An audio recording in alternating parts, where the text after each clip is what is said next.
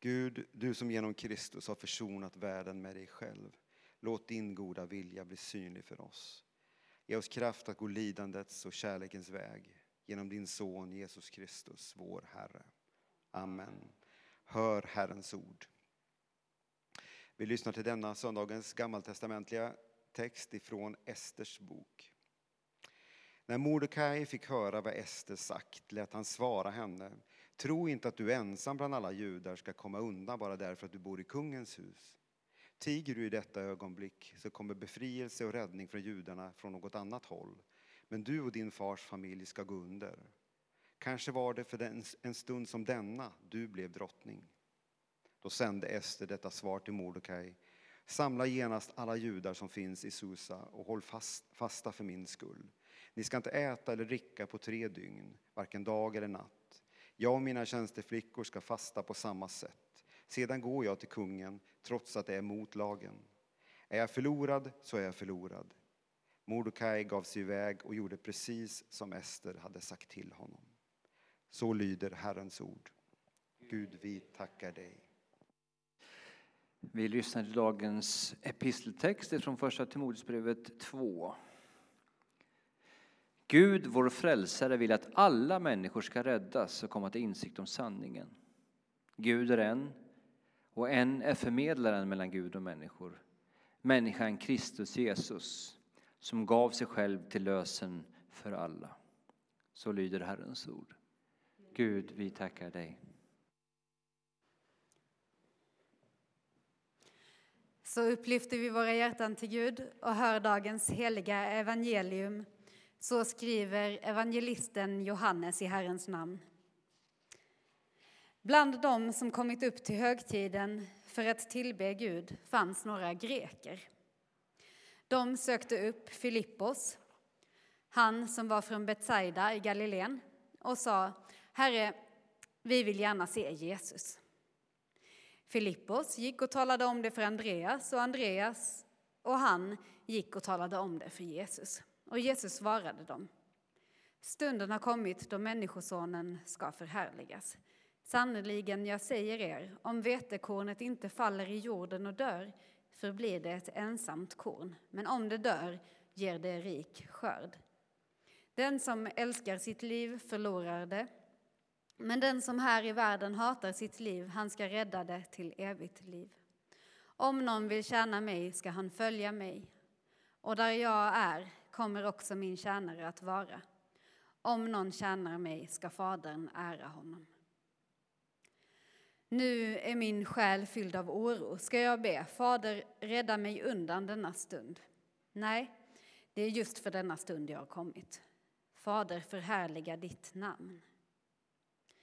Då hördes en röst från himlen. Jag har förhärligat det och ska förhärliga det på nytt. Folket som stod där och hörde detta sa att det var åskan. Men några sa att det var en ängel som hade talat till honom. Jesus sa, det var inte för min skull som rösten hördes utan för er skull. Nu faller domen över denna världen och nu ska denna världens härskare fördrivas. Och när jag blir upphöjd från jorden ska jag dra alla till mig. Detta sa han för att ange på vilket sätt han skulle dö. Så lyder det heliga evangeliet. Lovad vare du, Kristus. Halleluja. Eh, det råkade bli jag som predikar idag. Jätteroligt. Eh, jag tänkte, tänkte börja med att berätta en sak om mig själv. Eh, jag är lat. Det tänkte jag berätta. Ehm, Eh, inte, inte på alla sätt kanske, men på vissa sätt. Jag tycker att jobbiga saker är riktigt jobbiga. Sån är jag. Ibland gör jag jobbiga saker så att jag ska slippa göra ännu jobbigare saker sen. Men i grunden är jag faktiskt en hejare på att undvika sånt som jag borde. Ehm, ni vet när man ser såna här filmer eh, om hur världen nästan går under. Det görs ju rätt mycket såna filmer Eh, nu och folk lever i såna här hemska eh, apokalyptiska situationer. Man tänker så här, hur hittar de kraften att fortsätta? Eh, jag tänker, eh, jag har nog inte den kraften. Jag skulle dött först. Eh, så. Det, eh, det, är lite sant och inte helt sant. Eh, lathet och rädsla balanseras i livet mot vilja och längtan, även för mig.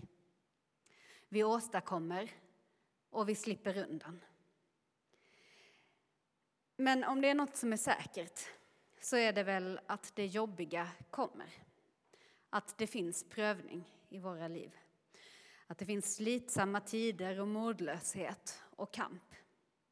Och jag vet inte hur ni är lagda, men jag själv är sån som gärna skulle ha sluppit det där. Och då kan ju folk tro att det är därför man är kristen, eller hur? Ibland kanske vi själva har den sortens förväntan på vår tro. Eh, att den ska lösa saker för oss. Att det är för att slippa det jobbiga som man är kristen, eller som man söker sig till Gud. Att det är anledningen. Idag på fastlagssöndagen, när kärlekens väg är temat i kyrkan, då tydliggörs det att det är tvärtom. Om det finns ett sätt på jorden att slippa det jobbiga så är det inte kristen tro. Kristen tro, kan man säga, är en trohet till en förlust. Att tappa sitt liv och inte titta tillbaka. I evangeliet idag så möter vi några greker, står det. Och det är väl ett ord som man i sammanhanget får förstå anger icke-judar i allmänhet. Eh, och jag tror att vi ska tänka att det här är några som inte eh, tillhör den judiska, eh, det judiska folket men ändå på något sätt har en god bevandring i judisk tro och levnad. Det var ganska vanligt med sådana, vad ska man säga, nyfikna eller liksom sådana som på något sätt hängde i, i judiska sammanhang men inte tillhörde. Och de här ber om att få se Jesus och på något sätt så arrangeras det. Och Jesus pratar med dem om vetekornet som faller i marken och dör och så ger det liv. Eh, och sen kommer den här biten som kanske är lite märklig när han ber Fadern att Fadern ska förhärliga sitt namn. Och Guds röst, eller är det den, hörs från himlen för att säga att det här namnet, Guds namn, både har blivit och ska bli förhärligat. Och, och så tvistar Jesus till det med en liten slutkläm på resonemanget. Nu faller domen över denna världen. Nu ska denna världens härskare fördrivas. Och när jag blir upphöjd från jorden ska jag dra alla till mig. Det hörde vi. Jag vill stanna lite grann vid det här ordet upphöjd. Johannes tycker om eh, det uttrycket. Det finns eh, en gång tidigare i evangeliet. Jag tror, tror det är kapitel 3 om man vill gräva.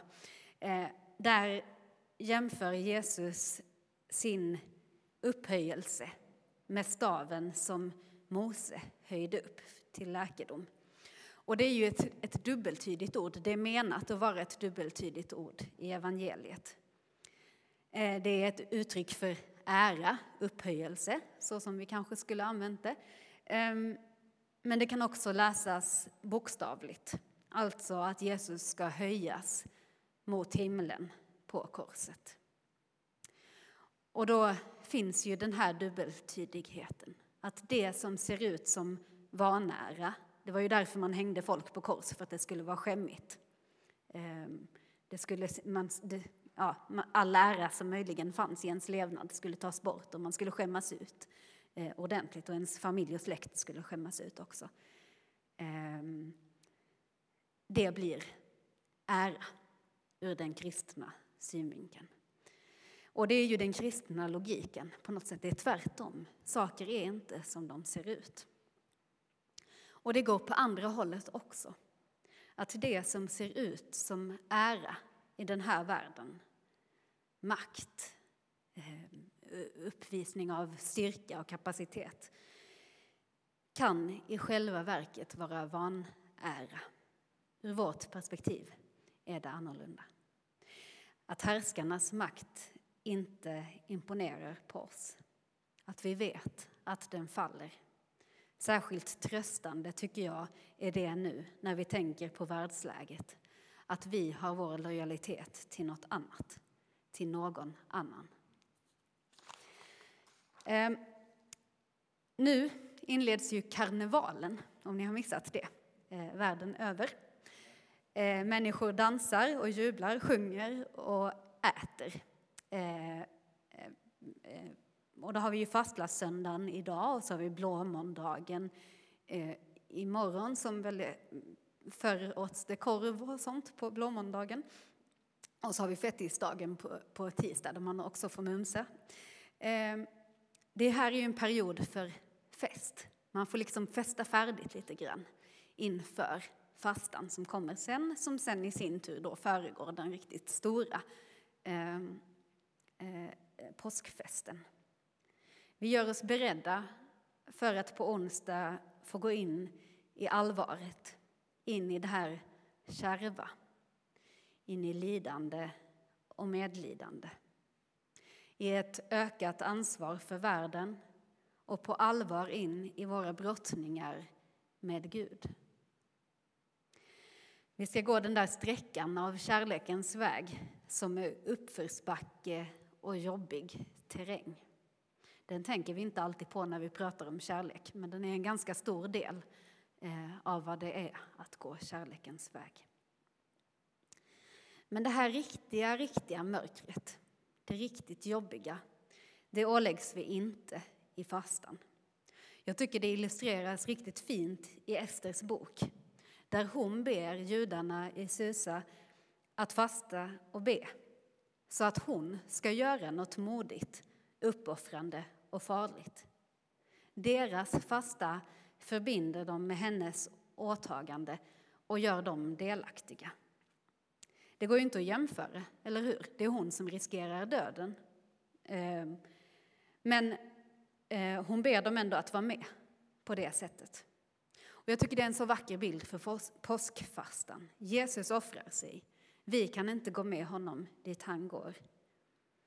Ehm, men vi kan få ett deltagande genom vår fastetid. Vi får ana, vi får stå med honom när han möter jordens makter och visar vad den verkliga makten är. När han ska visa Guds lojalitet med de oskyldiga och maktlösa. Och på det sättet så blir vår fasta också ett vandrande med de oskyldiga och maktlösa i vår tid, även om vi inte helt kan dela lidandet. Vi går med det ukrainska folket och alla de tragedier som vi nu ser utspela sig, fast det ju faktiskt, vad jag kan förstå, finns nycklar till fred. Ehm, vi går med folket i Afghanistan som har fått sitt hopp förstört så många gånger. Människorna i Tigray i Etiopien där behoven är stora och dit hjälp har svårt att nå. Myanmars befolkning som upplever återkommande våld och så vidare och så vidare. Om att vara kristen hade varit eh, att få ett lätt eh, och roligt liv utan motgångar då hade vi ju haft en väldigt oansvarig Gud.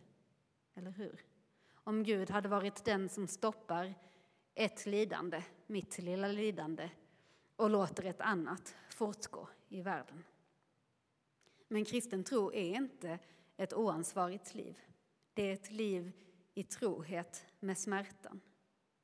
Guds trohet till människornas smärta och lidande och vår trohet till den smärta och det lidande som Kristus genomgår för oss och med oss. Det är att inte lämnas ensam i sitt mörker men också att inte själv lämna världen i dess mörker för en låtsat ljusare tillvaro. Ibland tänker jag att jag hamnar i att, att eh, prata om så deppiga saker. Eh, ledsen för det.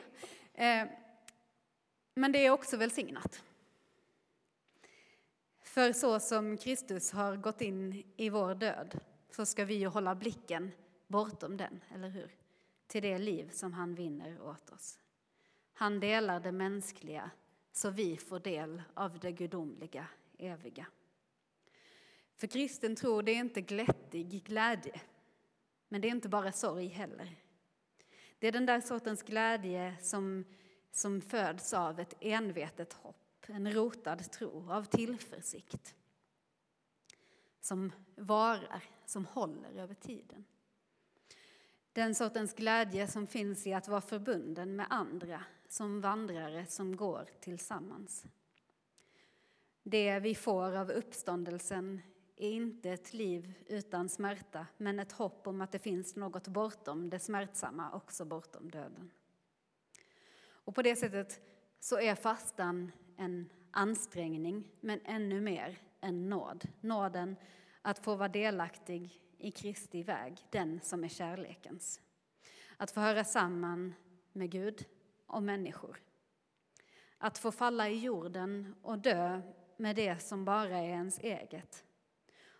Och få liv i förbundenhet med andra människor och deras sår. Ut ur ensamheten, in i delaktigheten. Det är vi inte förlata för, eller hur? Det är ganska fint. Ja. Um.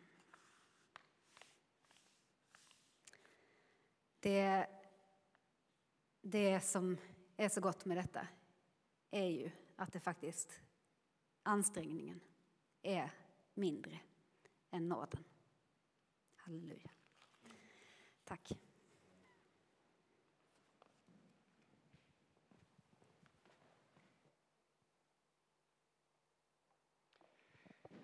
Låt oss stå upp och stämma in i hela kyrkans bekännelse av den kristna